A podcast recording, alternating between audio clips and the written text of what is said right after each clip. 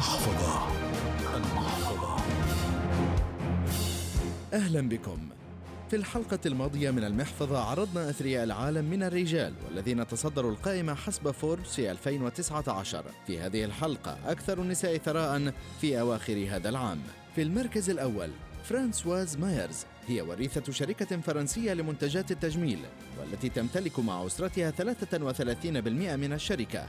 وصلت ثروتها ل 49 مليار و300 مليون دولار وهو ما يجعلها في المركز الخامس عشر في قائمة أغنياء العالم وفقا لمجلة فوربس الاقتصادية.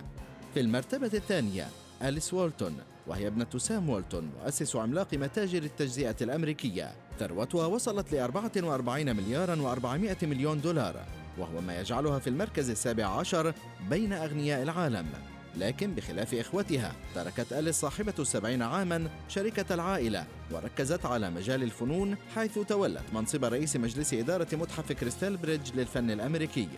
ثالث ثريات العالم هي صاحبة أغلى طلاق في العالم ماكنزي بيزوس طليقة جيف بيزوس الرئيس التنفيذي لشركة أمازون ب 35 مليارا و600 مليون دولار وهي قيمة نصيبها من الشركة لكن حجم ثروتها قد يتجاوز ذلك لعام 2020 في المرتبة الرابعة جاكلين مارس البالغة 80 عاما ب 23 مليارا و900 مليون دولار وهي صاحبة أكبر شركات الحلويات في العالم والتي أسسها جدها. وكانت تحتل المركز الثالث والثلاثين بين أغنياء العالم قبل إعلان شروط طلاق ماكنزي بيزوس وهي توصف حاليا بأنها سيدة محبة لأفعال الخير. ب 22 مليارا و100 مليون دولار يان هويان. تحتل المركز الثاني والأربعين بين أغنياء العالم والخامسة بين ثريات العالم. تمتلك يان الشابة الجزء الأكبر على الإطلاق من أكبر شركات العقارات في الصين وثالث أكبر شركة تطوير عقاري في العالم لعام 2016 والتي ورثت حصتها عن أبيها بعد وفاته.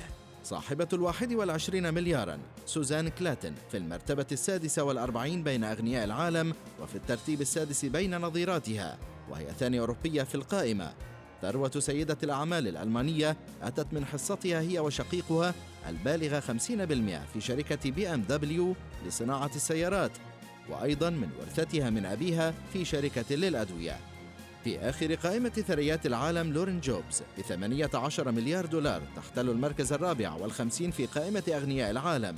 هي أرملة مؤسس شركة أبل ستيف جوبز. والتي ورثت مع أسرتها حصصا في شركتي أبل وديزني بعد وفاة زوجها.